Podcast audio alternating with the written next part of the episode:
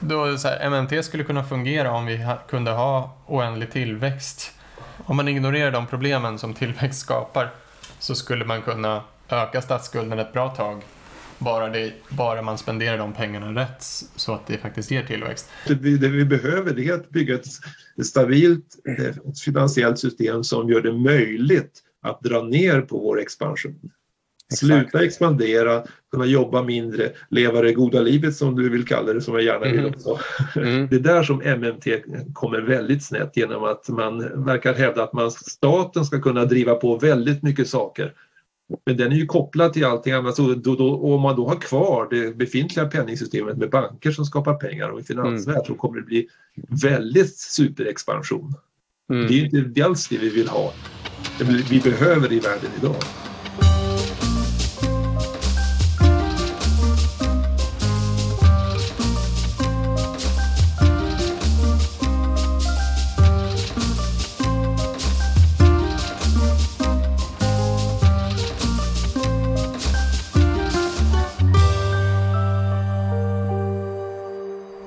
Okej, du lyssnar till 34 avsnittet av Tillväxtparadigmet.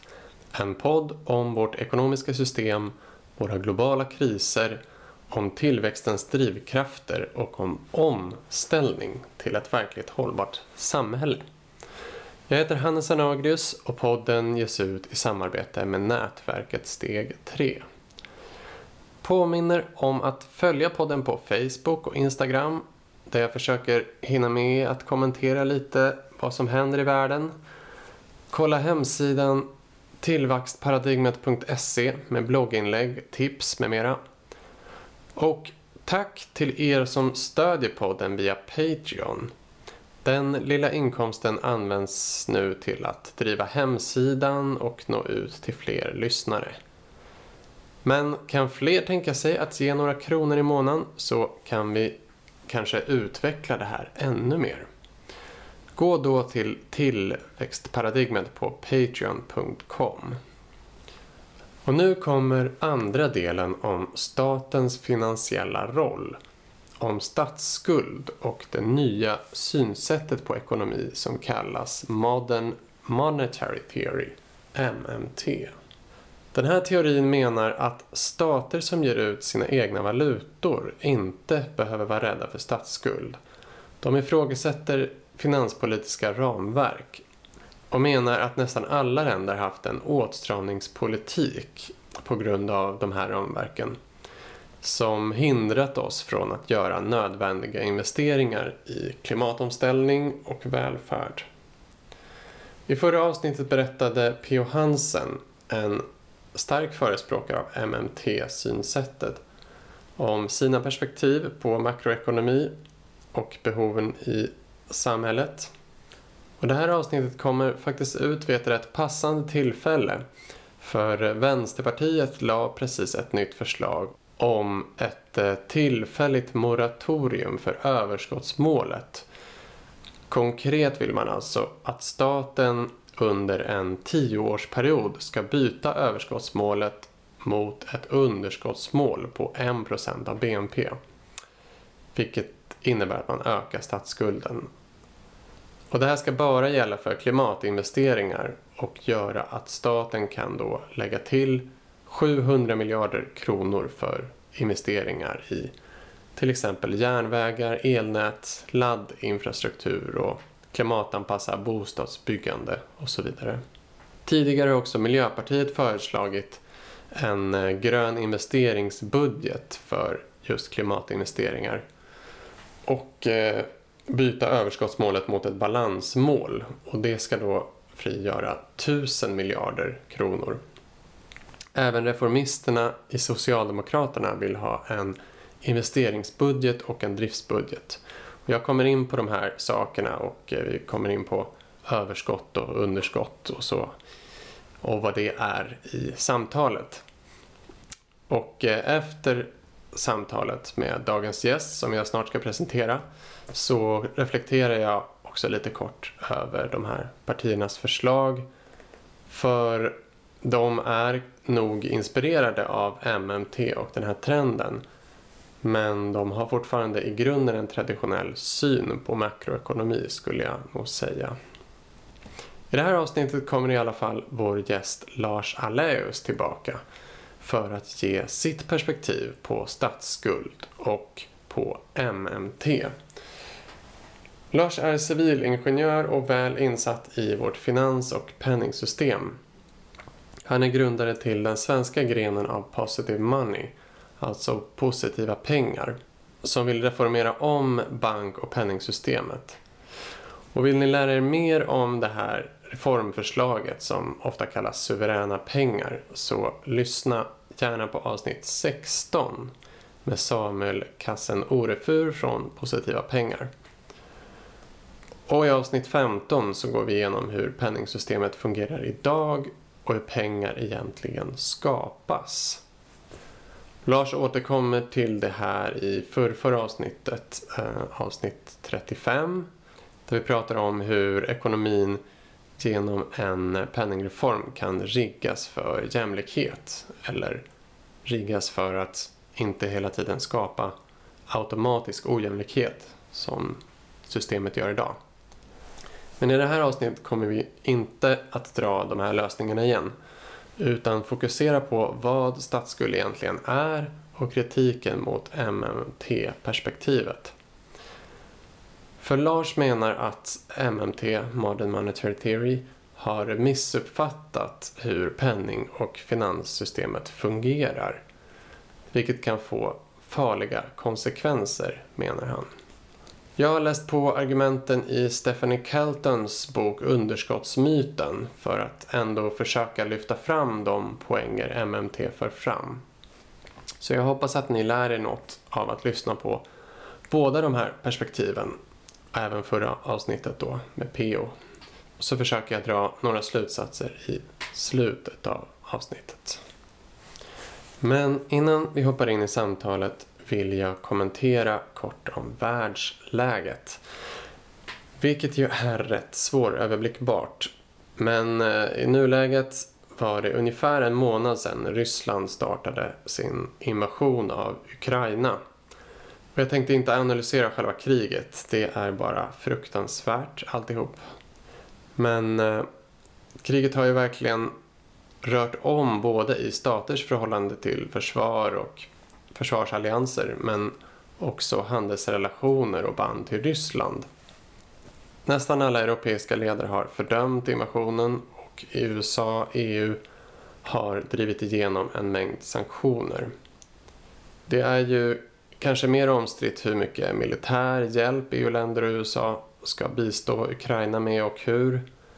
Men det är ganska stor konsensus kring att rikta hårda ekonomiska sanktioner mot Ryssland. Och nu till och med att rata Rysslands fossila energi som nu är USAs och snart EUs agenda. Och det är ju väldigt bra eftersom oljan och gasexporten är själva näringen till Putins krigskassa. En baksida är dock att EU nu öppnar för mer import av olja och gas från Nordamerika Alltså oljesand och frackinggas som är värre ur klimat och miljösynpunkt än Rysslands råvaror. Men det högre oljepriset har gjort att alla fossila bränslen blir mer lönsamma att utvinna nu. Så tricket är ju att minska den globala efterfrågan på fossila bränslen. Men hoppfullt nog vill EU och USA också satsa mycket mer på förnybar energi nu. Jag tänkte att vi i nästa avsnitt ska prata mer om hur kriget förändrar energiläget i världen. Men jag kan ju säga redan nu att det är klart att subventionera fossila bränslen och bilägande som svenska regeringen nu gör inte gör oss mindre oljeberoende. Och det finns ju såklart mycket smartare sätt att stötta de som drabbas av oljepriserna. Till exempel bilberoende personer i glesbygd Riktade ekonomiska stöd kan ju som vi har pratat om tidigare ges ut oberoende av hur mycket man tankar. Så att det fortfarande finns incitament att tanka så lite som möjligt. För det vissa politiker inte riktigt tycks inse är att klimatomställningen består ju dels av investeringar och dels att styra bort från det smutsiga. Så att det fossila snabbt blir dyrare är ju exakt det man vill. Men staten får ju då hjälpa människor i övergången. Sen skulle man ju kunna reglera priser på andra mer jämlika sätt som vi har pratat om innan, till exempel med personliga utsläppsrätter som man kan sälja eh, och så vidare. Men det är viktigt nu att det visar sig att snabba genomgripande beslut och mellanstatliga överenskommelser faktiskt kan göras. Klimatdebattören och författaren Naomi Klein skrev om Tyskland kan skrota en pipeline för 11 miljarder dollar för att den plötsligt betraktas som omoraliskt, vilket den var hela tiden, då borde all infrastruktur som kränker vår rätt till ett hållbart klimat underkastas samma prövning. Slut citat. Lite liknande är det med president Biden som nu ska jaga alla ryska oligarker och beslagta deras tillgångar. Så även om jag först tar mig för pannan om det var så här lätt, varför har ni inte gjort det tidigare? Och varför gör ni det inte med alla oligarker och de illegala tillgångar som undangöms i skatteparadis? Så är det ändå hoppfullt att man visar med handling att det faktiskt går. Men även om de finansiella sanktionerna mot Ryssland är mindre aggressiva än militär intervention så drabbar det den ryska befolkningen väldigt hårt som ju inte heller bett om det här kriget och kan om sanktionerna blir för effektiva faktiskt utlysa en finanskris. Ryssland har ju förberett sig med gott om valutareserver och guldreserver men eh, nu på grund av sanktionerna så kommer det inte åt de här valutareserverna för att de är frysta i andra länder. Ekonomijournalisten Andreas Cervenka skriver om att Ryssland snart ska betala tillbaka ett lån på cirka 200 miljarder kronor. Och det finns en risk att de inte kan betala tillbaka lånet och då får man då 30 dagar på sig att ta fram pengar. Men om man inte lyckas så kan Ryssland hamna i konkurs och bli utestängda från lånemarknaden.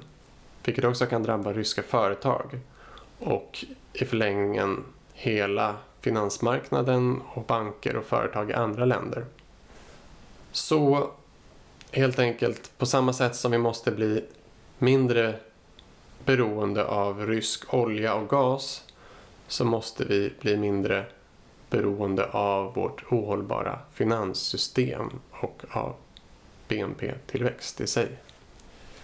Det var det, tankarna om världsläget. Här kommer samtalet med Lars Aleus. Hej och välkommen tillbaks Lars. Tack så mycket. Så idag ska vi prata om statsskuld, pengar, penningsystem och makroekonomi. Och eh, kanske framförallt om Modern Monetary Theory, MMT. Som eh, du är ganska kritisk till, som jag förstår. Jajamensan.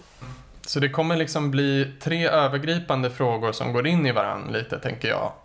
Dels hur penningsystemet och det finansiella systemet fungerar idag, som det finns lite olika uppfattningar om. Och dels vad som är då klok makroekonomisk politik i det här systemet som vi har idag. Men också kommer du att komma in på hur vi skulle kunna designa systemet annorlunda till det bättre. Och jag är fortfarande, även efter att ha pratat med P.O. Hansen och läst på i boken Underskottsmyten av ekonomen Stephanie Kelton, som är en av de eh, mest tongivande MMT-förespråkarna, kan man väl säga. Eh, jag är fortfarande lite osäker på om Modern Monetary Theory vill liksom göra om systemet eller om de bara vill att vi ska använda det här nuvarande systemet annorlunda och se på ekonomi på ett annat sätt. Eh, men, men det vill de i alla fall att vi ska se på ekonomin på ett annat sätt och eh, överge det finanspolitiska ramverk som de flesta rika länder har satt upp. Eh, som Sverige har och som USA har. Men jag börjar med att ställa samma fråga som jag ställde till P.O. i början av det samtalet. Eh, vad tycker du Borde ett rikt land som Sverige sträva efter BNP-tillväxt? Nej, jag tycker inte Sverige skulle behöva göra det. Inte ett rikt land. Det är mycket bättre att sträva efter ett mer jämlikt samhälle där alla har ett, lever ett gott liv. Tyvärr så är då det finanssystemet och även penningsystemet i botten riggat så, så att i princip så krävs det en BNP-tillväxt för att det inte ska så att säga, gå åt krascha kan man säga. Just det. Så mm. nej, jag vill inte att man ska sträva det. Men nu ser det ut som med dagens system så, så går det nog inte att undvika. Nej. Och vi kommer komma in på, på vad du ser som grundproblemet i vårt penningsystem nu. Men eh, hur skulle du beskriva vad Modern Monetary Theory är? Ja, som jag ser det så är det en rörelse kan man säga. Den, hävdar att alla länder nu som har en egen valuta, de har missuppfattat hur ekonom, nationalekonomin fungerar. Alltså länderna har missuppfattat hur nationalekonomin fungerar enligt MMT. Mm. För de här länderna som har egen valuta, de skulle ju kunna lösa alla sina finansiella problem genom att skapa mer pengar. Och det gör de inte. Just det. Och um, om jag ska försöka sammanfatta lite från Keltons bok då så är det väl att de ser på pengar, att pengar kommer in i ekonomin genom att staten spenderar pengar och att, de, att pengarna dras bort genom skatt. Därför menar MMT att eh, staten inte är beroende av skatt för att finansiera utgifter utan att skatt och statliga utgifter egentligen är liksom policyredskap som reglerar inflation och arbetslöshet. Och då menar de att nästan alla rika länder har för låg, inte för hög statsskuld och därför och har liksom den här finanspolitiska ramverken och att det här vi stramar åt har då förhindrat staten från att finansiera många av eh, lösningarna på våra samhällsproblem. Så, så de ser väl det så här att statsskuld är inget problem så länge det inte finns hög inflation. Men vad är, vad är din huvudkritik mot den här teorin? Ja, huvudkritiken är just det du sa att de anser att pengar skapas av staten när de spenderar. Eh, så är det inte helt enkelt. Nej. Pengar, de pengar vi använder, eh, de bankpengar som sitter på bankkonton, de skapas av banker i samband med lån. Så de finns där hela tiden där ute. De skapas inte alls när staten spenderar. Just det. Så det, det är grundkritiken. Det så, och det innebär också att de får en felaktig förklaring till vad en statsskuld är. MNT alltså då. Mm. Ett stat fungerar ju inte som ett hushåll, det är sant. Men i det avseendet att utgifter, om man har mer utgifter än man har inkomster så, får man, så blir det en skuld. I det avseendet mm. så är en stat precis likadan som, mm. som, en, eh, som ett hushåll. Även om man har en egen valuta. Just det. För, för vi har ju i tidigare avsnitt om eh, hur pengar skapas med Samuel också från Positiva pengar så pratade vi, och eh, som även du pratade om sist, du var med, om att det finns olika typer av pengar, nämligen centralbankspengar, som, eller bankreserver som det ibland kallas, som Riksbanken skapar.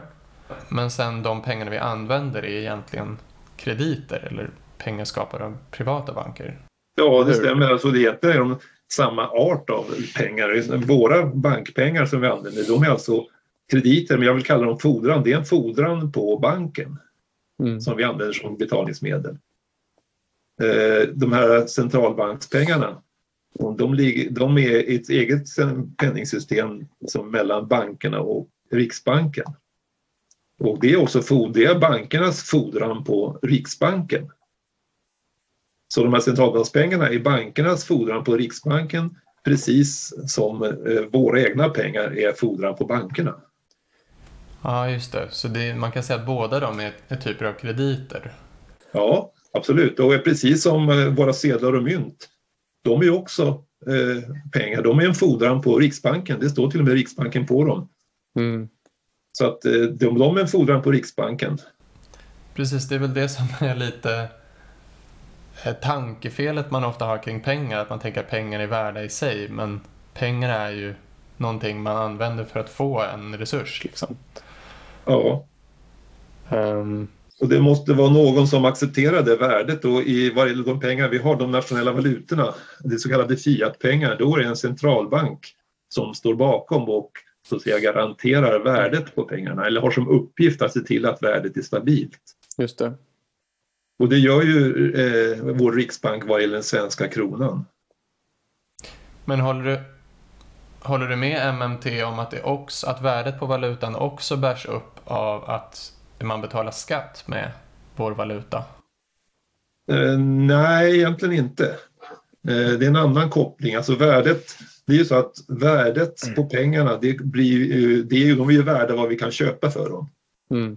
Så det är kopplat till inflationen. inflationen så, eh, om priserna ökar så kan man, är det samma sak som att säga att penningvärdet minskar. Mm. Och då är det så att om vi, eh, staten kan till exempel eh, ta ut eh, mindre skatt. Om man ger min, tar ut mindre skatt för de som har lite dåligt med pengar, då får de mer pengar att handla för och då blir det större efterfrågan. Då efterfrågar mm. de fler varor. Precis. Och då blir det efterfrågan på varorna större och då kommer mm. priserna stiga en aning också. Ja men precis, så länge man kan köpa någonting för pengarna så är de ju något värda. Men jag tänkte ändå att det fanns någon poäng när de beskrev det här, alltså om man tittar tillbaka i historien. Så de första liksom, mynten man präglade, eh, man, man, gav dem ofta liksom ett värde genom att det var de som man använde för att betala skatt med. Det var det anledningen till att man från början ville ha de där mynten, liksom för att kunna betala sin skatt. Ja, Men... det var ju...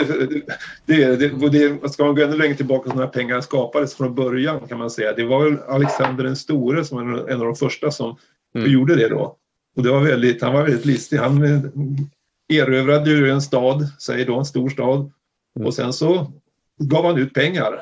Och då på pengarna stod det Alexanders med mm. genitiv. Det var hans pengar. Han, han köpte saker för pengar. Sen tog saker från dem och så gav han dem pengar istället. Just det. Och sen kunde de betala skatt till honom med de pengarna också. Mm. Och då började de pengarna cirkulera så upptäckte de här städerna att det var ju väldigt bekvämt det här. Mm. Så de, han gjorde dem en väldig tjänst där egentligen. Så även om han tog ju en sorts skatt för att han ville, behövde ha till sina trupper så fick de plötsligt ett fungerande penningsystem i staden. Mm. De hade ju för säkert, säkert eh, liksom utbytessystem och liksom Eh, att man lånade av varandra och gentjänster och tjänster och sånt där. Vi... Med pengar blir väldigt praktiskt då, men det byggde ju på att det mm. fanns någon central snubbe som, som mm. så att säga, höll ordning på de här pengarna. Precis. Alexander gjorde det för egen vinnings skull kan man säga då. Han blev en härskare, men han var ju förvånansvärt eh, kan man säga, effektiv härskare kan man säga. Han, eh, han mm. gjorde, de människorna som blev överövade, även om han var var en tyrann då, så var han också mm. en sån som skapade ett, en, en ordning i samhället som funkade mm. för människorna själva. Han mm. gav dem ett penningsystem helt enkelt. Men, men även eh, andra imperium, till exempel romarriket och sådär, satte ju igång någon slags eh, penningmarknad genom att betala sina soldater med mynt. För att det var liksom mycket mer praktiskt än att eh, släppa runt massa resurser, massa mat och, grejer som som soldaterna behövde. Så då kunde de få mynt och så kunde de köpa det från områdena som de var i. Liksom. Ja. Men, eh, men, men då på något sätt så känner jag att det rimmar ändå lite med den synen på att valutan får sitt värde genom att staten spenderar ut den och beskattar. Ja, det, det, den, ja, det får inte sitt värde men den, den finns ju. Det är, är sättet som vi, pengar är ju det sätt vi för över värde mellan, mellan, mellan mm. individer, mm. mellan företag, mellan stat och kommun och allting sånt där. Mm. Det är en infrastruktur för att överförande av värde precis som att vi har vägar för att kunna åka kors och tvärs. Mm. Det är någonting som behövs i samhället. Mm. Och det ska vara ett neutralt sätt att betala med. Då. Men tyvärr så har vi hamnat i det läget att pengar skapas av banker i samband med lån. Mm. Och det gör att bankerna får en väldigt tydlig särställning och finanssystemet har spårat ut på vissa sätt kan man säga. Mm. Med tillgångsbubblor och de rika blir rikare, ekonomiska klyftor ökar. Mm. Precis, som vi pratade om i tidigare avsnitt om ojämlikhet. Eh, men, men det känns som att det finns någon liten skillnad i hur man ser på pengar här. Att MMT kanske tänker sig att det är de här centralbankspengarna som är verkliga pengar och att det andra som vi använder, krediter, är liksom någon slags påbyggnad på det. Men att du menar att egentligen båda är krediter?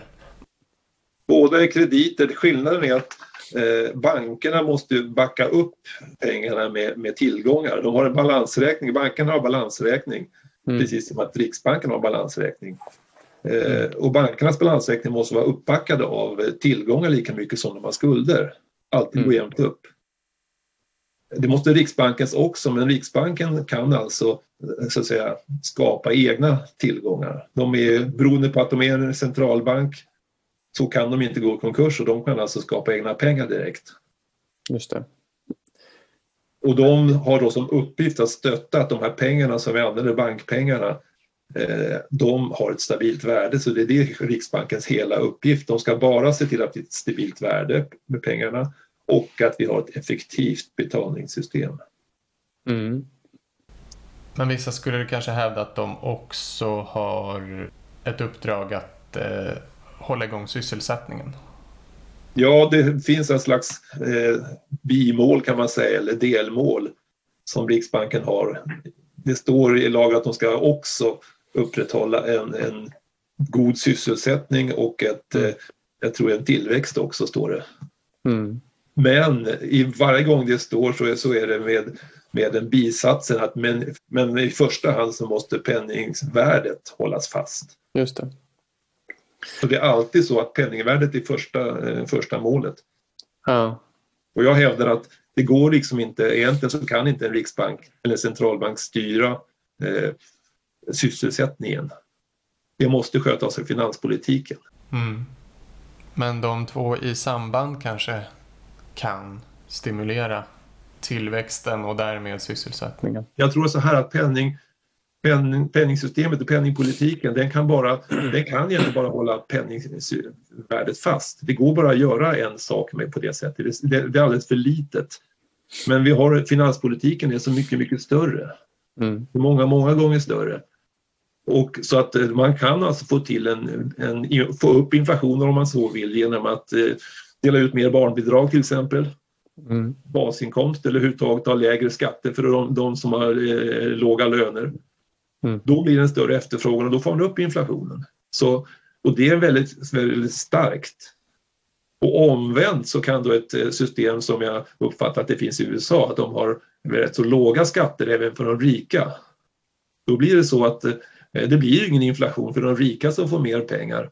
De kommer ju inte använda sakerna till att eh, köpa mer mat eller mer kläder så, så det blir ändå ingen inflation där. Däremot så blir det då tillgångsinflation eftersom de köper tillgångar, aktier och bostäder. Ja, just det. Mm. Så, att, eh, så att man kan säga som finanspolitiken påverkar absolut inflationen väldigt mycket. Men mm. Eh, penningpolitiken kan inte överrida finanspolitiken om den har klantat till det här med inflationen. Så, så det, finns, det, finns, en koppling, ja. Men det som är ja. problemet med MMT är ju att de, de verkar tro att man kan Eh, staten ska kunna eh, skapa mer pengar och använda mer pengar och ändå låta bankerna fortsätta som de gör och skapa pengar i samband med lån. Mm. precis, de går inte in på den frågan egentligen med, med att privata banker skapar pengar. För, för också MMT känns som att de pratar om staten eh, som både regeringen och eh, alltså Finansdepartementet, men också centralbanken. Ja. Och det stämmer väl att centralbanken är under staten, men de har väl olika roller? Ja, alltså det, det är så att eh, i dagligt tal så säger man ju att staten, och rent formellt så är ju staten eh, egentligen alla statliga myndigheter, inklusive Riksbanken. Och eh, Riksbanken ligger inte under regeringen, under, däremot ligger den under riksdagen direkt. Mm. Det är den enda myndighet som ligger under riksdagen direkt. Just det. Den har fått mandat från riksdagen att ha en, en eh, viss, eh, vad ska man säga, inriktning. Ja, alltså de har, eh, Riksbanken styrs av lagar som i stor del tillgår, ingår i svenska konstitutionen då, det är alltså grundlagar. Mm. De ska, har egentligen som uppgift att eh, styra penningvärdet och ha ett effektivt betalningssystem. Och så har, finns det ett riksbanksfullmäktige med ett 20-tal riksdagsledamöter utsedda som, som granskar att Riksbanken följer lagarna kan man säga. Mm. Men det är väldigt noga med att de får inte ge direktiv. Rikspolitikerna får inte ge direktiv till Riksbanken. För Riksbanken ska vara helt oberoende och bara skötas, drivas eh, enligt lagarna. Just det. Det där är väldigt, väldigt viktigt. Sen är det så att eh, riksdagen bestämmer eh, budgeten för staten. Och sen driver regeringen aktivt under hela året som en verkställande, heter det, verkställande utskott eller ja, mm. styrelse mm. kan man säga. Mm. Driver staten då och, och spenderar pengarna på det sättet som budgeten har, har pekat ut. Då. Precis, och ibland kanske det gör att det blir underskott i slutet av året. Ibland så blir det överskott i förhållande till budgeten. Ja, och så finns det då en väldigt intressant myndighet som heter Riksgälden. Riksgäldskontoret egentligen. Det har funnits väldigt, väldigt länge, flera hundra år. Eh, och det är, är statens internbank. Mm. Det är inget som jag hittar på, de kallar sig själva för statens internbank. Mm. Så de hänger då i finanssystemet precis som en vanlig bank. Och, eh, när, när Riksgälden betalar till banker eller till andra banker eller till Riksbanken så eh, gör de det med de här eh, centralbankspengarna. Men det är inte Riksgälden som skapar centralbankspengarna utan det är Riksbanken? Riksbanken är den som står bakom centralbankspengarna och skapar mm. dem där det behövs. Mm. För att banker ska kunna betala varandra. Men Riksgälden då är den som tar in alla skatter. Mm. Riksgälden håller faktiskt en, eh, vad de kallar för statens koncernkontostruktur. Så staten betraktar sig själv som en koncern. Och varje del i koncernen, det, det kan vara kommunerna, regionerna, alla statliga myndigheter en del, delar av den här koncernen. De mm. har konton hos Riksgälden. Mm. Okay.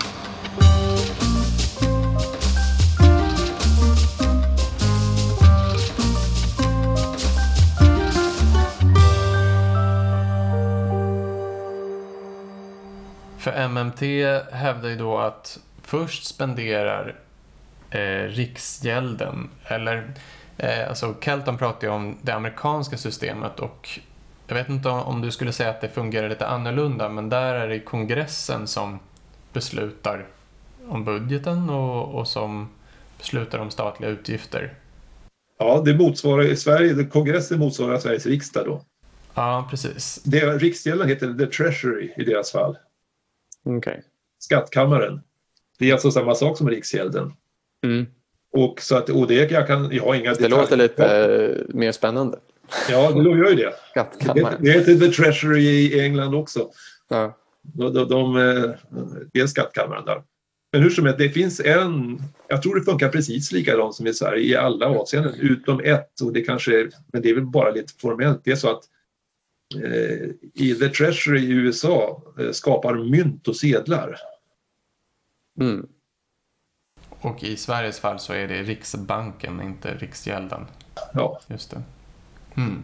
Men kan The Treasury i USA också tryck, alltså skapa centralbankspengar själva?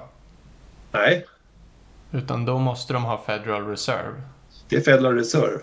Som är deras centralbank. Ja. Alltså centralbankspengar, det är inte bara fordringar. Alltså, vi kallar det för pengar men, men bankerna själva kallar det inte för pengar, de kallar det för medel. Ja. En eh, centralbankspengar kan lika gärna vara negativa. Det kan vara skulder som det kan vara tillgångar. Mm. Okej. Okay. Um... Det, det, det, betalningsmedel är alltid kan man ja. säga eh, fordringar hos någon. Frågan är vem som står bakom eh, fordringarna. Just det. För det, det, eh, när jag läser Keltons bok så, så låter det som att det är Treasury och kongressen, centralbanken, eh, Federal Reserve, alltså att det alltid är egentligen samma sak och att de, staten ger ut pengarna och kan skapa obegränsat med pengar. Är det att de rör ihop det då eller vad skulle du säga? Ja, de rör ihop det och det, det jag tror det beror på att de, de säger ju att eh, man skapar pengar när man spenderar. Alltså, när man får ett underskott så skapas det pengar säger de då. Mm. Men eh, det som skapas när man, staten får ett underskott det är skuldebrev, statsobligationer. Och de är inte pengar. Däremot så blir och det är orsaken till eh, missförstånden, är ju att eh, när de här statsobligationerna eh, kommer ut på marknaden så kan de användas som säkerhet för vanliga banklån. Och det gör de ofta. Just det. Och då skapas det pengar ändå. Så det blir, effekten blir av just statsobligationer är ju att det blir mer pengar i omlopp i, i samhället. Okej. Okay. Ska vi försöka... Mm, vill du förklara vad en statsobligation är? Ja, det kan jag göra. Det är mm. en obligation generellt. Även företag kan ge ut obligationer. Det är ett skuldebrev. Eh, om en, någon, om staten vill låna in, säg en miljard, då kan den ge ut skuldebrev för en miljard. Och det innebär att om det här är en femårig statsobligation så lovar staten att om fem år betalar vi tillbaka en miljard till mm. de som innehar de här obligationerna. Mm. Eller kanske en miljon styck på de här eh, obligationerna. Mm. Och då kanske den har ett, då har den ett nominellt värde på en miljon, den här statsobligationen. Och så har det då eh, också, har de sagt från början, att det har en nominell ränta på, på 2 procent. Nominell är det att mm. man struntar i inflation utan det betyder att varje år så får man 20 000 tillbaka. Den som har lånat ut en miljon till staten för den obligationen får 20 000 tillbaka varje år. Bara, för först pratade du om en miljard och sen en miljon, men du menar att det totala beloppet är en miljard och så kan man dela upp det i, i olika obligationer? Tusen gånger en miljon? Ja, så om man tar en obligation då som är, om den då har ett nominellt värde på en miljon och en nominell ränta på 2% så betyder det att innehavaren av den obligationen får 20 000 varje år från Riksbanken. Äh, från, från, från, från staten, eller Riksgälden alltså. Exakt. Och sen så får den sist, efter fem år då, så får den både eh, 20 000 plus tillbaka eh, den här miljonen. Just det. Så det är helt enkelt ett skuldebrev. Det betyder att när staten eh, ger ut de här, då får de in, då har de lånat pengarna. Och sen mm. den som äger, staten har inte koll på vem som äger den här statsobligationen. Den snurrar runt och det finns en viss mm. marknad. Det, det, är bara ett elektroniskt värdepapper. Mm. Precis. Eh, men man kan handla med den, eller man kan köpa och sälja den helt enkelt. Ja, just det. Um... Och en viktig sak här i sammanhanget är ju, jag har pratat om nominellt värde när staten ger ut de här så, så eh, säljs den ju inte på vanligt sätt bara för det där nominella värdet utan den är ju värd mer. Mm. Vanligtvis. Så den auktioneras ut på ett speciellt sätt via fem stycken banker som, är, som har utvalt, blivit utvalda för att sköta det här då. Mm. Och auktionen är väldigt listigt gjord så att eh, egentligen ingen tjänar på det. Det är bara ett sätt att prångla ut de här statsobligationerna så att de kommer ut på marknaden för marknadsvärdet. Mm.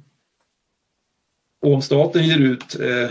Man måste väl tjäna lite på det för att bankerna ska vilja köpa dem? Liksom. Ja, fast det, det, det, är faktiskt gjort på väldigt sofistikerat sätt så att bankerna när eh, de har alltså en auktion, de får bjuda på det där då. Mm. Och de vet, och de är också enligt kontraktet som de har skrivit med Riksgälden så Eh, lovar de att ge ut 20% eller så av de obligationer de köper på auktionen måste de lägga ut på den öppna marknaden. Mm. Så de kan inte göra någon storkova på det där. Det är tveksamt. Det är nog så att de oftare betalar lite mer än vad de skulle för de här obligationerna är väldigt bra att ha som en stabil grund i, i alla finanssystem. Just, det är snarare därför som bank, de stora bankerna vill ha statsobligationer för de vill ha det som en en säker tillgång som gör att de egentligen kan låna ut mer pengar. Och, ja. ja. Men sen snurrar de där eh, statsobligationerna och de, ute i finanssystemen. Det finns ju penningmarknadsfonder kan vem som helst köpa in och de penningmarknadsfonderna mm. som man köper in sig andelar i, de, de har en mängd av olika typer av statsobligationer. Mm. liggande i sig. Så det är inte alls bara bankerna som, som äger de här. Nej. Men det, för... Det bara, för att den här aktionen ska fungera så har man då eh, eh, valt ut fem banker som ska göra det här. Då. Mm. Eh, för anledningen till att det ses som en väldigt säker tillgång är väl för att staten alltid betalar tillbaks helt enkelt. Det finns ingen risk eh, eftersom centralbanken kan alltid trycka nya pengar. Staten ja. Det finns ingen risk i det nominella värdet och det här är väldigt mm. viktigt. För när staten ger ut den här obligationen på eh, en miljon då, då får man kanske in en miljon etthundratusen. Då, därför att den här är så pass värd för att det är stabil. Mm. Och risken som finns, Mm. som många glömmer bort, är ju risken för inflation. Ja. För om fem år, när, när den här som har obligationer får tillbaka den här miljonen, då har det varit en inflation i fem år. Mm. Och den, det är den som eh, gör att eh, risken är stor för dem. Det, risken är att det har blivit mer inflation än vad de räknade med. Ja. Precis, och det är väl mycket det som styr räntan också. Om bankerna tror att det kommer bli en, en hög inflation i framtiden så kräver de, eller då, de kan bara tänka sig att köpa statsobligationen ifall räntan kompenserar för inflationen. Ja, precis. De kanske kan tänka sig att köpa en, eh, några i alla fall för att de ändå vill ha så, de här säkra tillgångarna i och för sig. Jo, men det, det här är ju inte... eh, Det är, du har helt rätt i resonemanget, men just det att det, det är inte bara några banker som sitter och funderar på kan vi tjäna på det här eller inte, utan det här är kopplat till hela finanssystemet. Mm. För svenska statsobligationer, det, de handlas ju väldigt över hela världen och det, det, det finns väldigt tydligt vad de är värda och inte. Då. Mm. Så man pratar om hundradels procent upp och ner. Just det. För det där. Så att, eh, och just, just för att Sverige har en låg statsskuld så, så får Riksbank, eller Riksgälden in väldigt mycket pengar för, Stockholm, för Sveriges statsobligationer. Mm. Så och se om Sverige för en miljon, statsobligation för en miljon får Sverige in ett, en miljon etthundratusen eller något sånt där.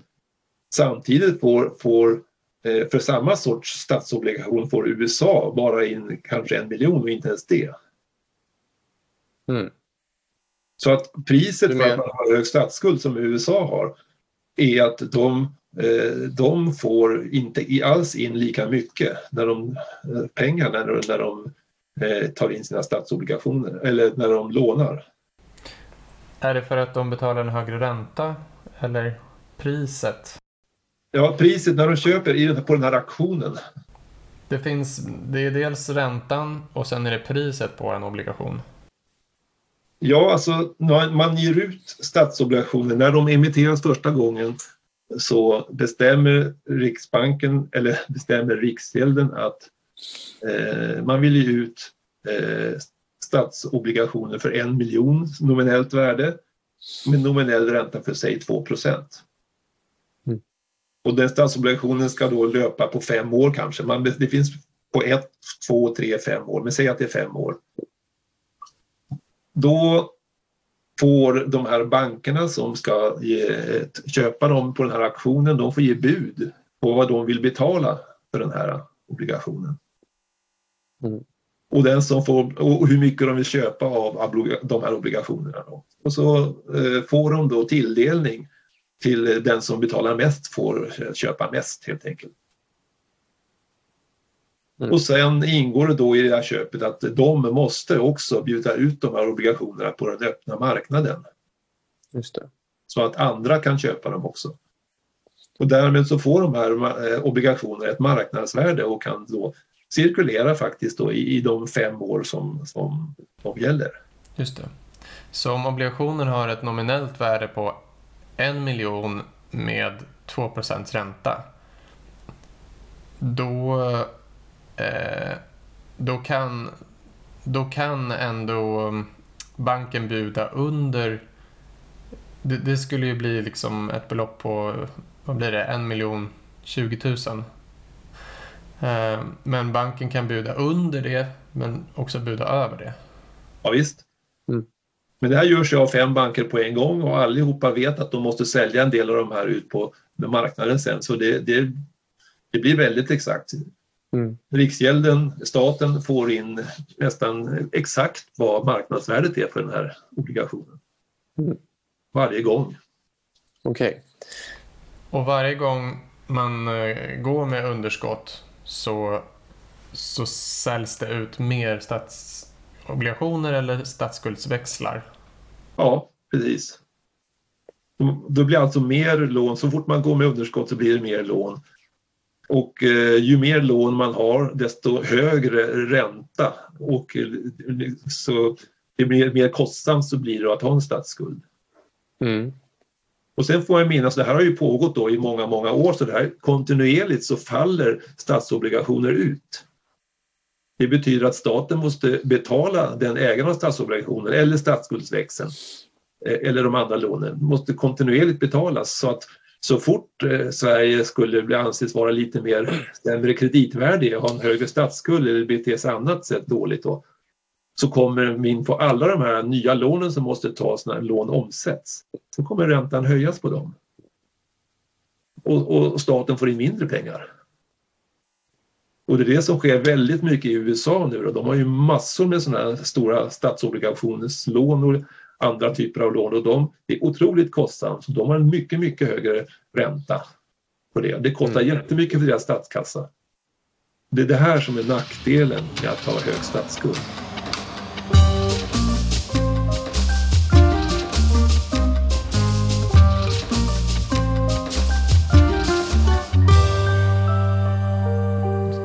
Så helt enkelt, om Riksgälden när man har, gjort, man har skapat en, en statsbudget och när året är slut så märker man att nu fick vi underskott. Utgifterna för staten blev högre än inkomsterna i form av skatter till exempel. Då täcker man upp det här genom eh, statsskuld via statsobligationer. Ja, det är en viktig sak som du missade i början där. Det här gör varje dag. Inte i slutet på året. Varje dag sker detta. Och de här statsobligationerna, det är de långa lånen som, som eh, staten har. Alltså de som är ett år eller längre framåt i tiden. Sen finns det statsskuldsväxlar som är på månadsnivå och så finns det ännu kortare saker också. Just det. Men i princip är det samma sak då.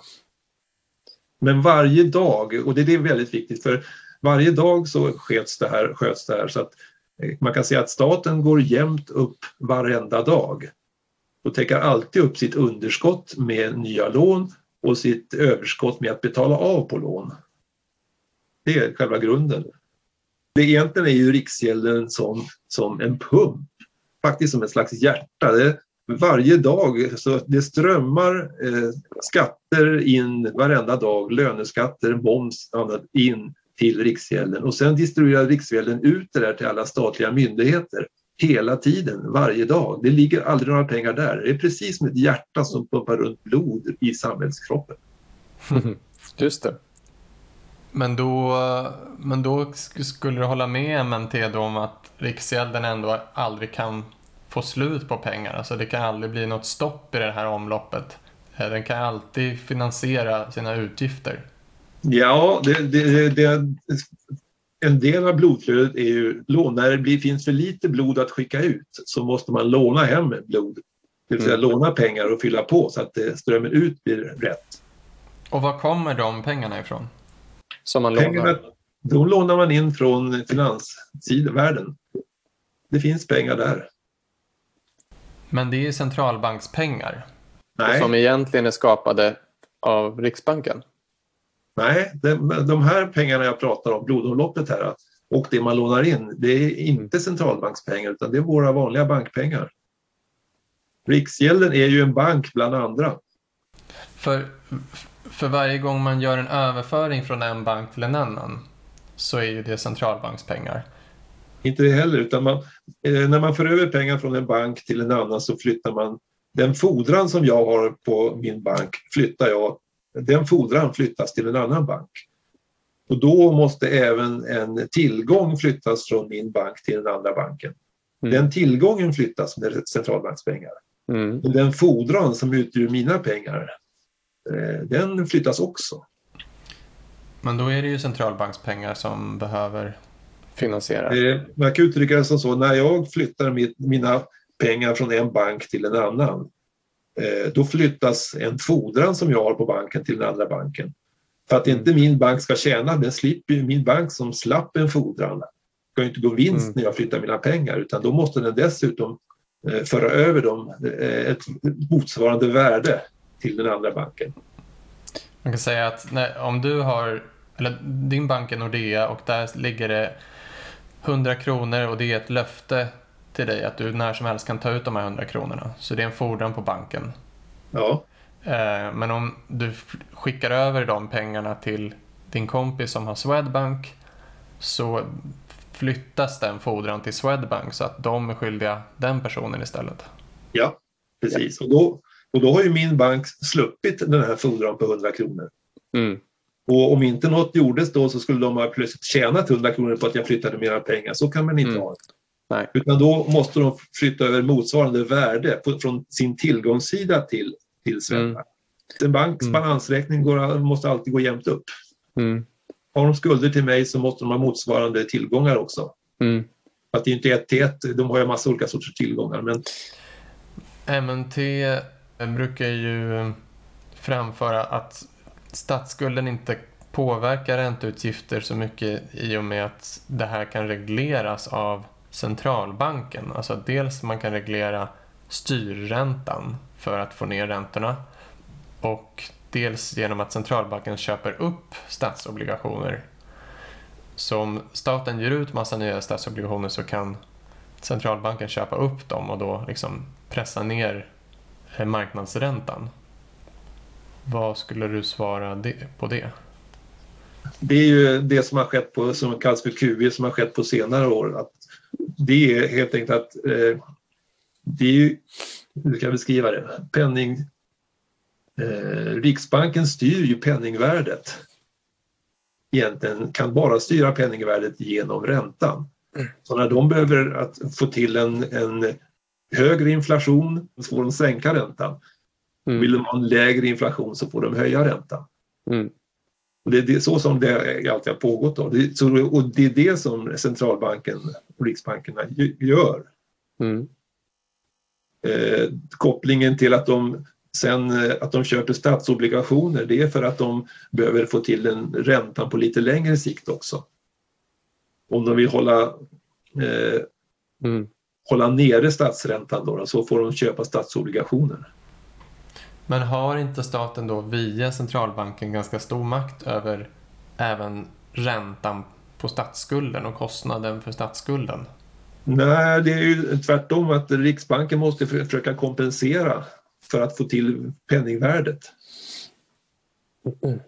Så det, det, blir- det blir en konsekvens för att för Riksbanken att försöka hålla penningvärdet stabilt när man har en hög statsskuld.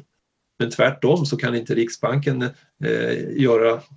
De försöker hålla nere räntan för att, Mm. det, ska, så att säga, det ska bli en inflation. Just det. Så om vi säger att eh, statsskulden ökar väldigt mycket för att eh, ja, för att eh, politiken bestämmer att man ska spendera väldigt mycket eh, utan att eh, täcka upp det med skatter så statsskulden ökar. Ja.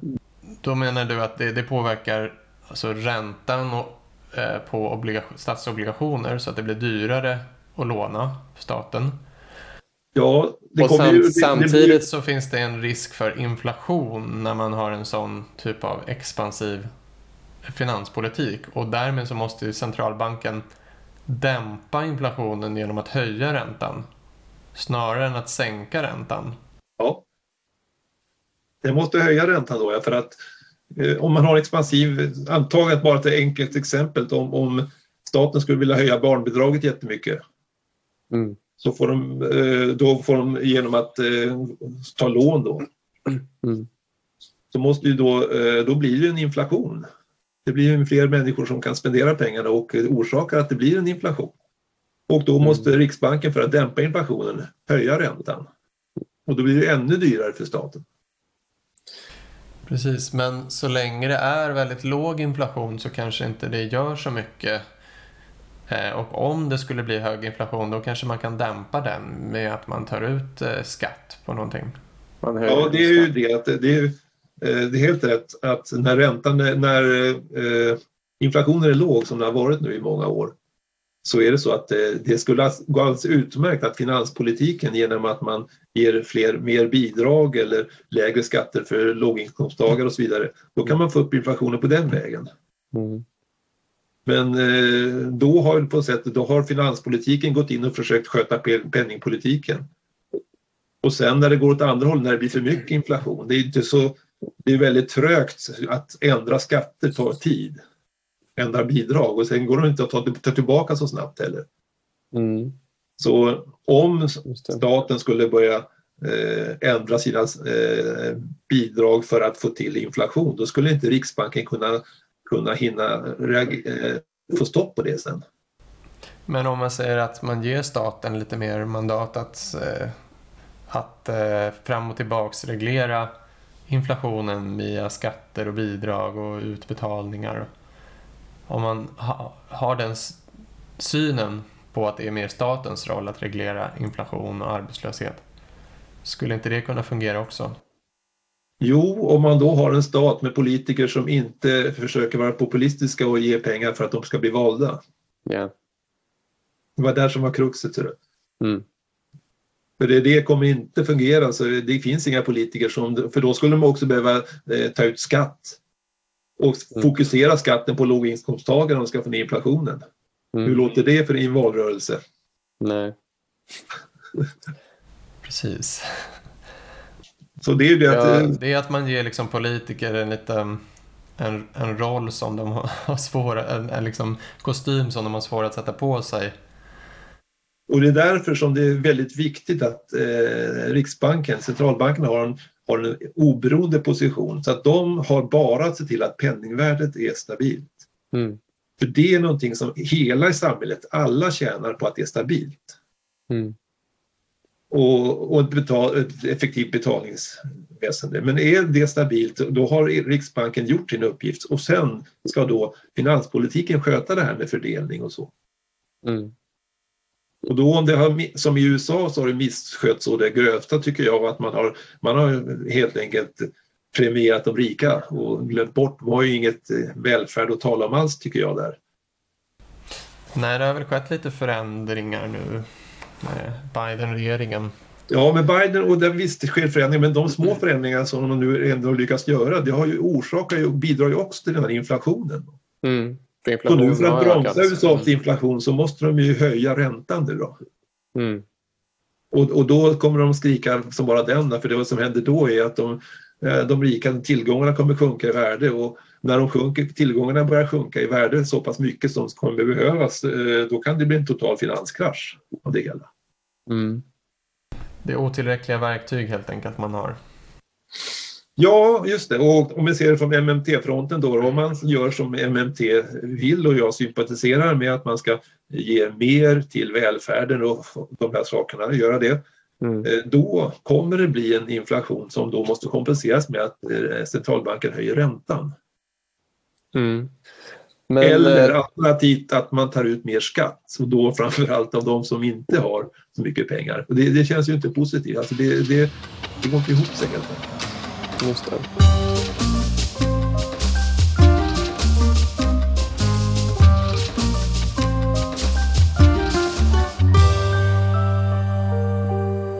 Men helt enkelt när Riksgälden ehm, eller Treasury i USA eh, behöver reglera statsskulden, alltså att man ökar statsskulden, då, då säljer man ut fler obligationer.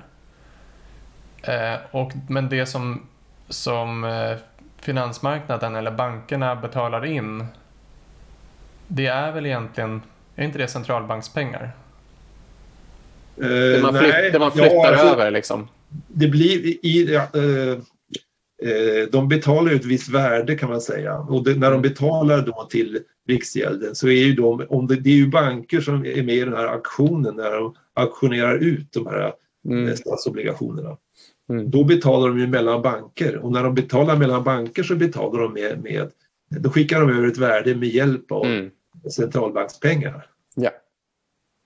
Men sen finns ju de här, eh, eh, de här eh, statsobligationerna i den bank som köpte den, hos den bank som köpte den. De har ju dem Mm. på sin tillgångssida. Mm.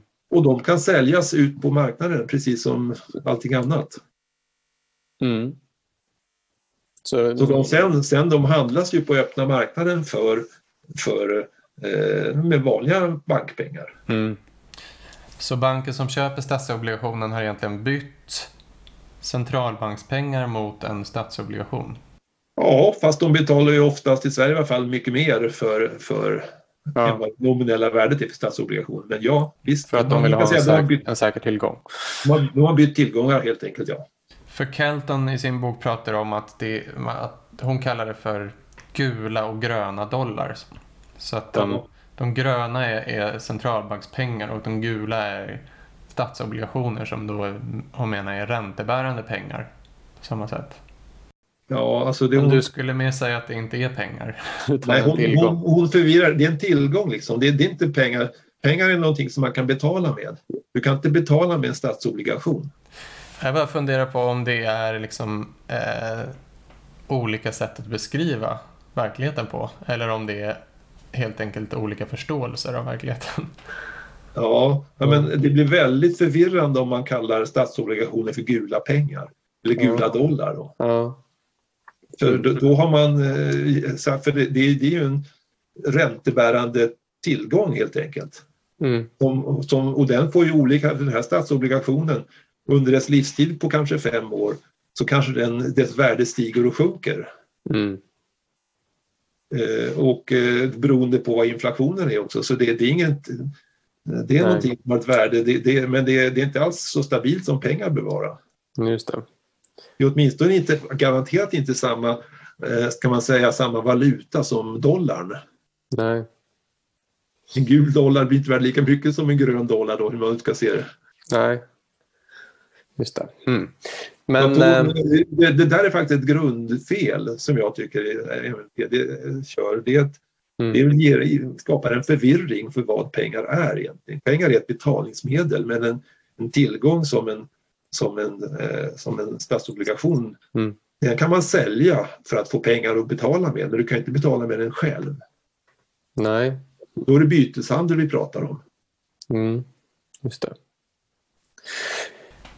Men eh, vad skulle du säga om, eh, om vi går in lite på det här med quantitative easing och eh, det som man gjorde under coronakrisen, alltså som både Federal Reserve, ECB och Riksbanken gjorde var att man köpte upp stora mängder statsobligationer. Och samtidigt som staterna sålde nya statsobligationer. Var, var inte det ett sätt att um, få ut um, man säga, mer pengar i omlopp men också stimulera ekonomin men också ett sätt att statsskulden, in, alltså är inte det också ett sätt att reglera att statsskulden inte blir för dyr? För att om, om centralbanken ändå kan köpa upp alla statsobligationer så får man inte ner räntan och priset på statsobligationerna då? Jo, det är sant att man, eh, syftet är ju att, att hålla nere räntan. Centralbankernas syfte är att hålla nere räntan. Eh, och det, men eh, det blir när staterna då eh, måste täcka upp för de ut, utgifterna för coronakrisen då. Då ökar statsskulden och man måste ta upp nya lån då. Och hade inte centralbankerna gått in där då så hade räntan stigit kraftigt. Mm. Eftersom alla stater i hela världen Mm. på en gång plötsligt vill låna in väldigt mycket mer pengar. Mm. Då finns ju inte de pengarna riktigt utan då blir det en större efterfrågan och då blir det högre och högre ränta Mm. på den och men staterna får in mindre och mindre pengar. Mm. Så därför så blev alla centralbanker, eh, det blev nödvändigt för dem att eh, köpa in Mm. de här statsobligationerna för att hålla ner räntan.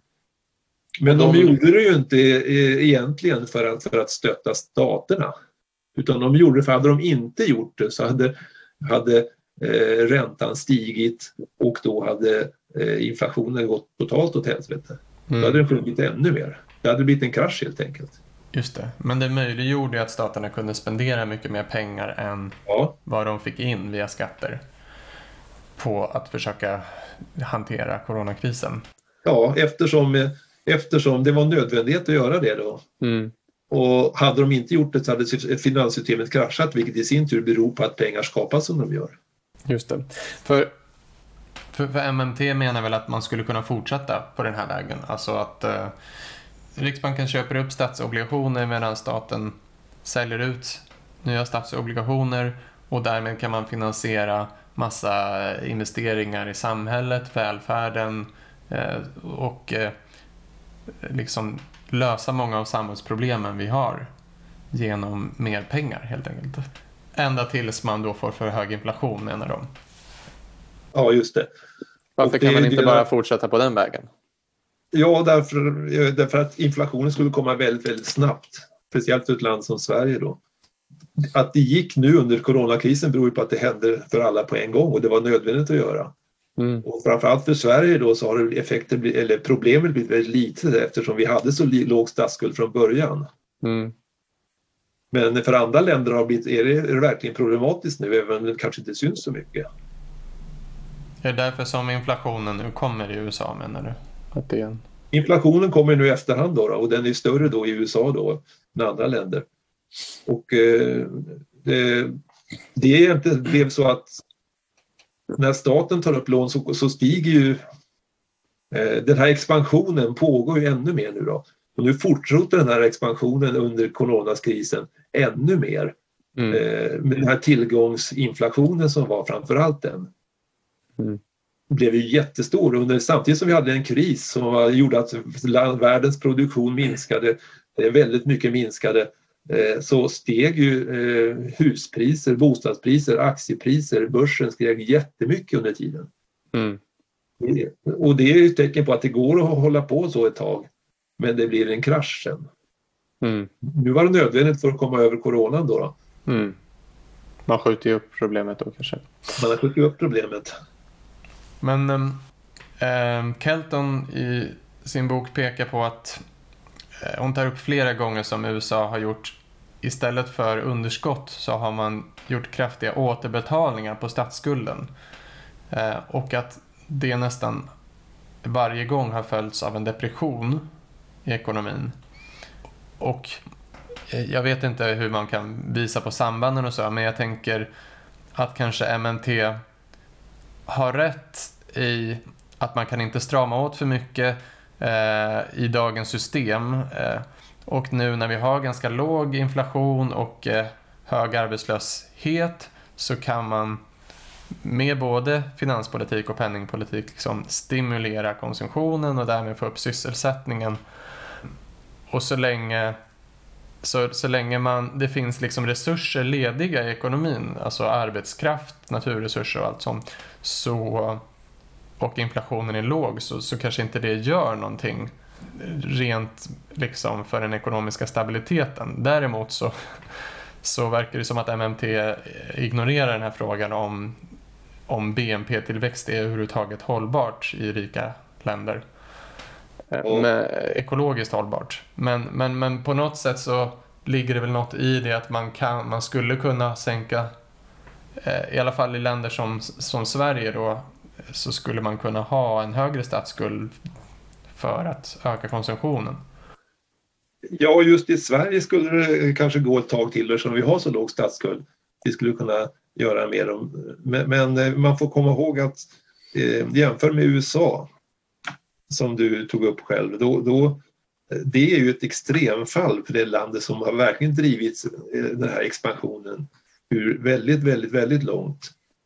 Och det är klart att där, om man, där har man nog försökt bromsa den där expansionen i vissa tillfällen, då är det klart att då, då stagnerar deras ekonomi direkt. Mm. Eftersom de bygger på det då. Så de fortsätter mot det här, men alla förstår ju att det kan inte hålla på hur länge som helst. Och frågan är bara när och hur det kraschar. Mm. Och det, det här i Sverige då så skulle vi förstås, jag tycker väl kanske också att man kan, vi skulle kunna göra mer genom att vi tillät en högre statsskuld eller lät det gå upp. Och det behöver inte, du, har tagit upp det här finanspolitiska ramverket då. Det, mm. behöver, det behöver inte betyda att man överger det. Däremot kan man ju säga att vi tillåter oss nu att eh, ha ett underskott på 3% varje år. Mm. I tio år framåt, typ. Mm. Det skulle Sverige kunna göra för, för att vi skulle kunna eh, komma ifatt. Då, då. Men det skulle då innebära att så fort det, det beslutet fattades så skulle plötsligt räntorna stiga på statsskulden. Men om man tittar tillbaks på historien liksom, efter andra världskriget till exempel, då ökade statsskulden i både USA och, och många länder eh, för att man gjorde väldigt mycket stora statliga investeringar.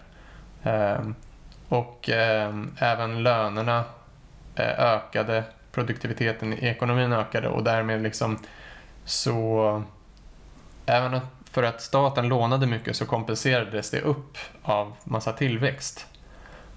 Och det gjorde ju såklart att liksom, det var ju då den stora påverkan på eh, naturen och på klimatet började. Liksom, den stora eh, accelerationen. Liksom. Så, så det, är ju, det är ju en fråga för sig som jag tycker MMT ignorerar. Men, men, men rent ekonomiskt så skulle man väl kunna kompensera med tillväxt hela tiden. Ja, om man tillväxten var oändlig ja. Ja. Och det landet som har drivit det längst är ju USA just. Mm. Och sen har ju då Kina nu då sen förra finanskrisen har de också dragit på då och fått till sin tillväxt väldigt mycket för att den börjar också bromsa nu därför att de också slagit i ett slags lånetak. Mm. Och det var det, så- det läget som vi var när corona började för två år sedan. Att eh, man fick inte upp inflationen hur man den gjorde. Man försökte sänka räntan, vi låg ju på minusränta ett tag i Sverige till och med. Mm. För att få upp inflationen, men det gick knappt ändå. Och så kom då corona på, ovanpå det. Mm.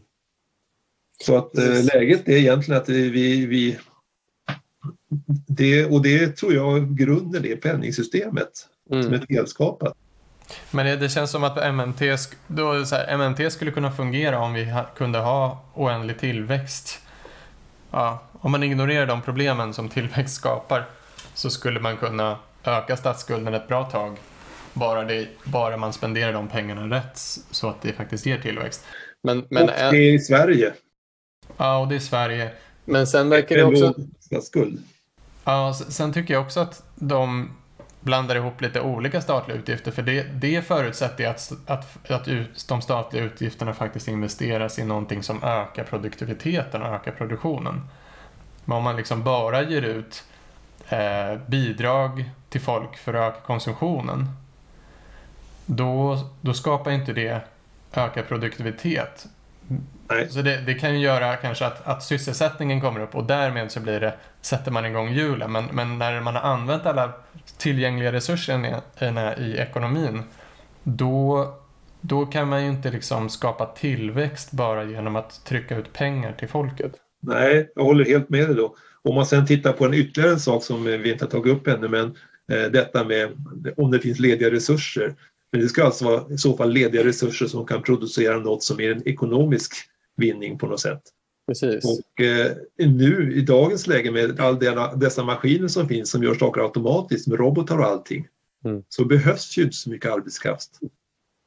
När jag var i din ålder så, så spekulerade jag i att jag får se nu om 30 år framåt här så då, då Mm. kommer vi nog bara behöva jobba i halva tiden. Mm. Men det gör vi ju inte. Men vi skulle kunna göra det. Så det krävs hela tiden det, finns mer- det finns kanske lediga resurser men det finns inte tillgängliga jobb. Det kommer inte finnas det heller. Just det. Och det krävs hela tiden mer och mer produktion för att få full sysselsättning. Ja. Ehm, I och med att allting automatiseras. Ja. Och det, så att det är grunden, det, måste, det vi behöver det är att bygga ett, ett stabilt eh, ett finansiellt system som gör det möjligt att dra ner på vår expansion. Sluta expandera, kunna jobba mindre, leva det goda livet som du vill kalla det, som jag gärna vill Mhm. också. Mm. Man ska inte behöva vara pensionär som jag innan man kan leva det goda livet. Nej. Så att, eh, men, men det, det, så att det, och ska det här fungera nu så måste vi kombinera det här med en, med en minskad tillväxt eller kanske en nolltillväxt eller hur nu vi ska ha det. Hur som Mm. helst så ska inte finansiella systemet driva på som det gör idag en Mm. tillväxt.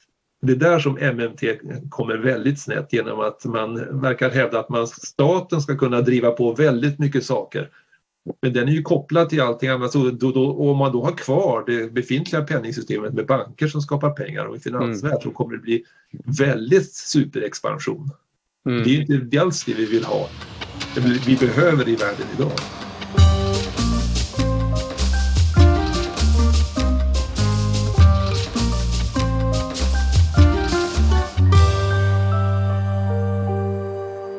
Men eh, det som jag kan plocka med mig lite från MMT är väl att, att man skulle behöva göra om kanske det finanspolitiska ramverket.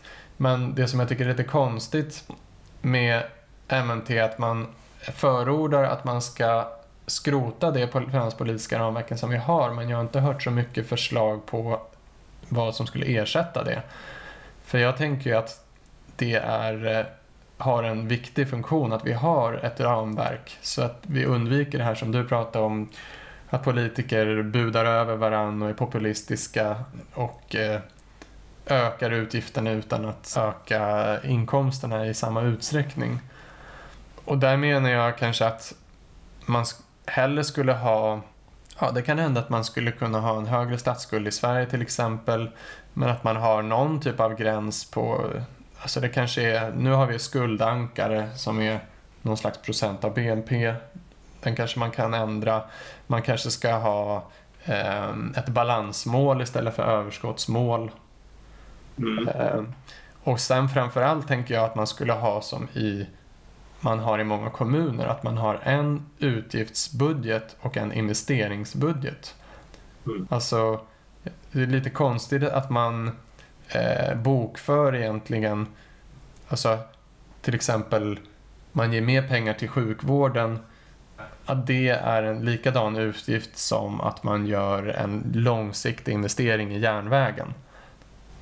Ja, det är olika saker det är olika saker och, och i, i, för en kommun så, så bokförs då kostnaden för de här långsiktiga investeringarna, då, då bokför man det lite åt gången istället för allt på en gång. Så att eh, i varje år så i takt med att värdet skrivs av på den, de tillgångar man köper in och det man bygger liksom, ja. skriver, skriver man av det. Jo, det, alltså det, absolut, du har rätt och det, det borde hanteras olika men framförallt för en investeringsbudget där investerar man i saker som kommer kosta i underhåll kan man säga. Mm. Det kostar ju att ha, bygga en järnväg, sen kostar det underhåll så småningom också. Mm. Och tar man det, lån så kostar det att betala tillbaka ja, lånet. Och att bygga ett sjukhus är samma sak. Det måste krävas också underhåll när det är byggt. Men sen de, de pengarna som går till, till eh, eh sjukvårdspersonalens löner, det är ja. ingenting som måste underhållas sen. Nej.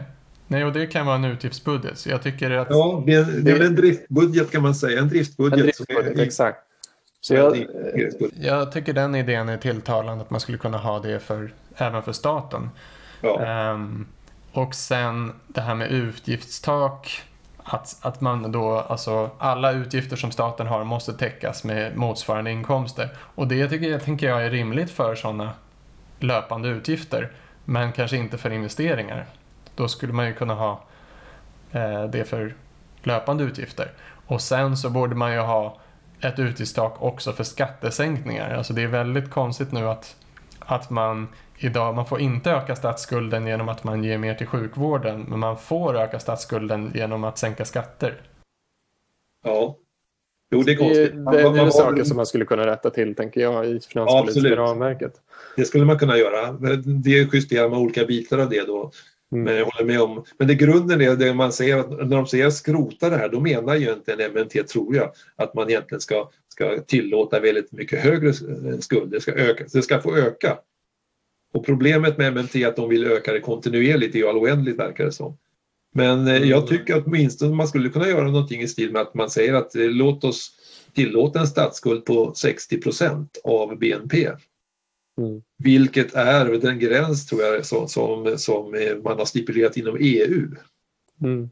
Nu är det bara Sverige och de nordiska länderna tror jag som håller den där och alla länder inklusive Tyskland går ju över det där då. Men att man säger att vi tillåter oss att med, med 2 eh, underskott varje år krypa uppåt tills vi når 60 procent eller vad vi nu... Man gör en sån skillnad, så det skulle göra en stor skillnad då. Mm.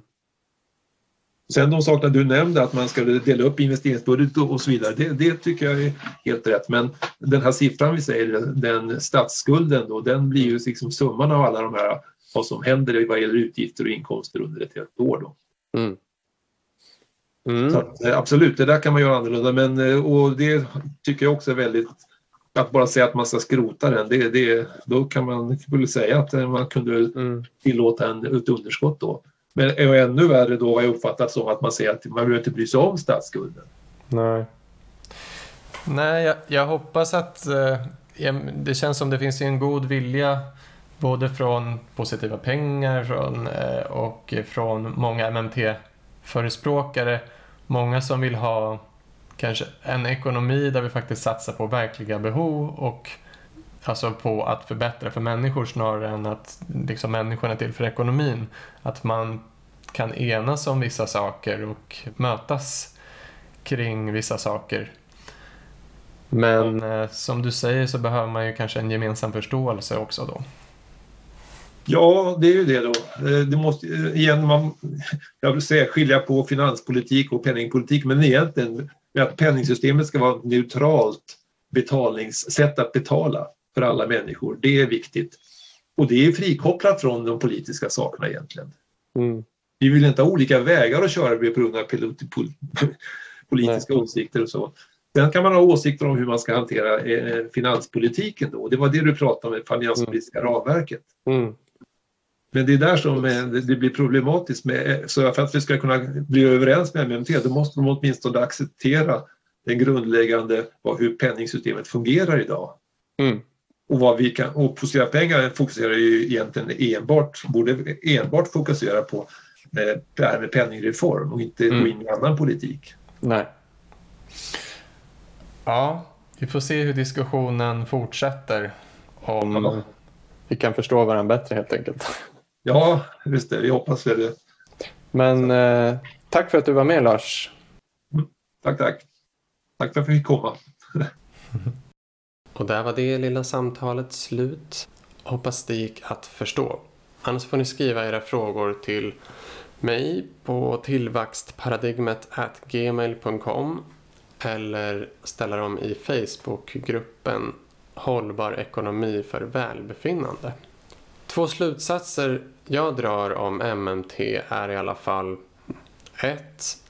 Att de verkar bortse från hur systemet med privata banker idag fungerar där eh, ökad statsskuld faktiskt leder till ökad privat utlåning, skuldsättning och upplåsta tillgångsvärden. Vilket jag ser bara kan leda till mer finansiell instabilitet, ojämlikhet och till slut finanskrascher.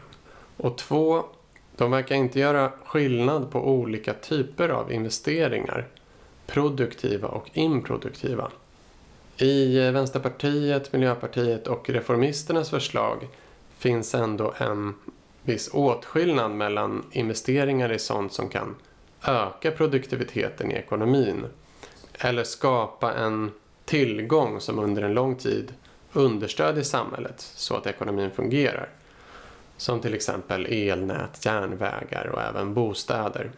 Medan att betala ut offentliga löner till sjuksköterskor det är nog så viktigt för samhället men skapar ingen ny tillgång som ökar produktiviteten på lång sikt. Utan man måste hela tiden betala sjuksköterskan för att fortsätta utföra den här viktiga tjänsten. Jag tror nog att det i teorin är möjligt att staten och centralbanken i någon slags samarbete kan bedriva makroekonomi på det här sättet som eh, MMT tycks förespråka. Där man bortser från finansiella ramverk och eh, istället bromsar och gasar inflationen med hjälp av skatter och statliga utgifter. Men de nämner inte riktigt att en expansiv statlig finanspolitik för att den inte ska driva upp inflationen för snabbt så krävs BNP-tillväxt. För om vi bara får mer pengar utan mer ekonomisk aktivitet så blir det ju inflation. Men får vi mer pengar med mer ekonomisk aktivitet så ökar BNP. Och vi vet ju sedan tidigare att ökad BNP driver på miljöförstöringen. Men om statsskulden ökar för att staten gör långsiktiga klimatinvesteringar så är det inte säkert att privatkonsumtionen ökar, vilket är det som främst driver upp inflationen. Men ökade investeringar brukar i och för sig leda till ökad konsumtion. Men det skulle inte behöva vara så.